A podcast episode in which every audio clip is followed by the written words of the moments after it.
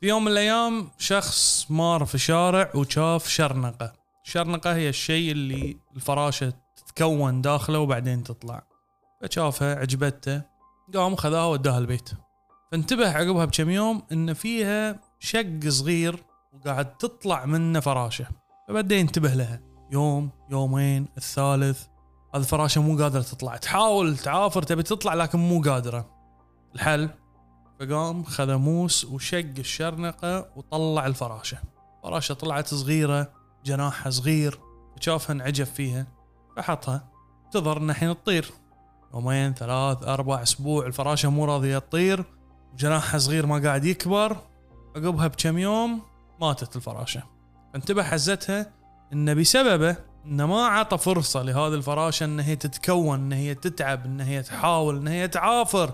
عشان تطلع من هاي الشرنقة هو طلعها قبل وقتها فما كانت ناضجة ما كانت فيها نمو كامل عشان تقدر تطير.